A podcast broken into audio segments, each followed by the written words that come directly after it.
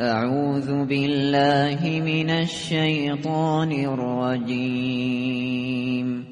بسم الله الرحمن الرحیم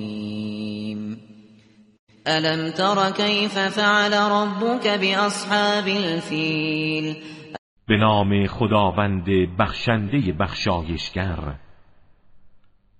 آیا ندیدی پروردگارت با فیل سواران لشکر ابرهه که برای نابودی کعبه آمده بودند چه کرد؟ الم یجعل کیدهم فی تضلیل آیا نقشه آنها را در زلالت و تباهی قرار نداد؟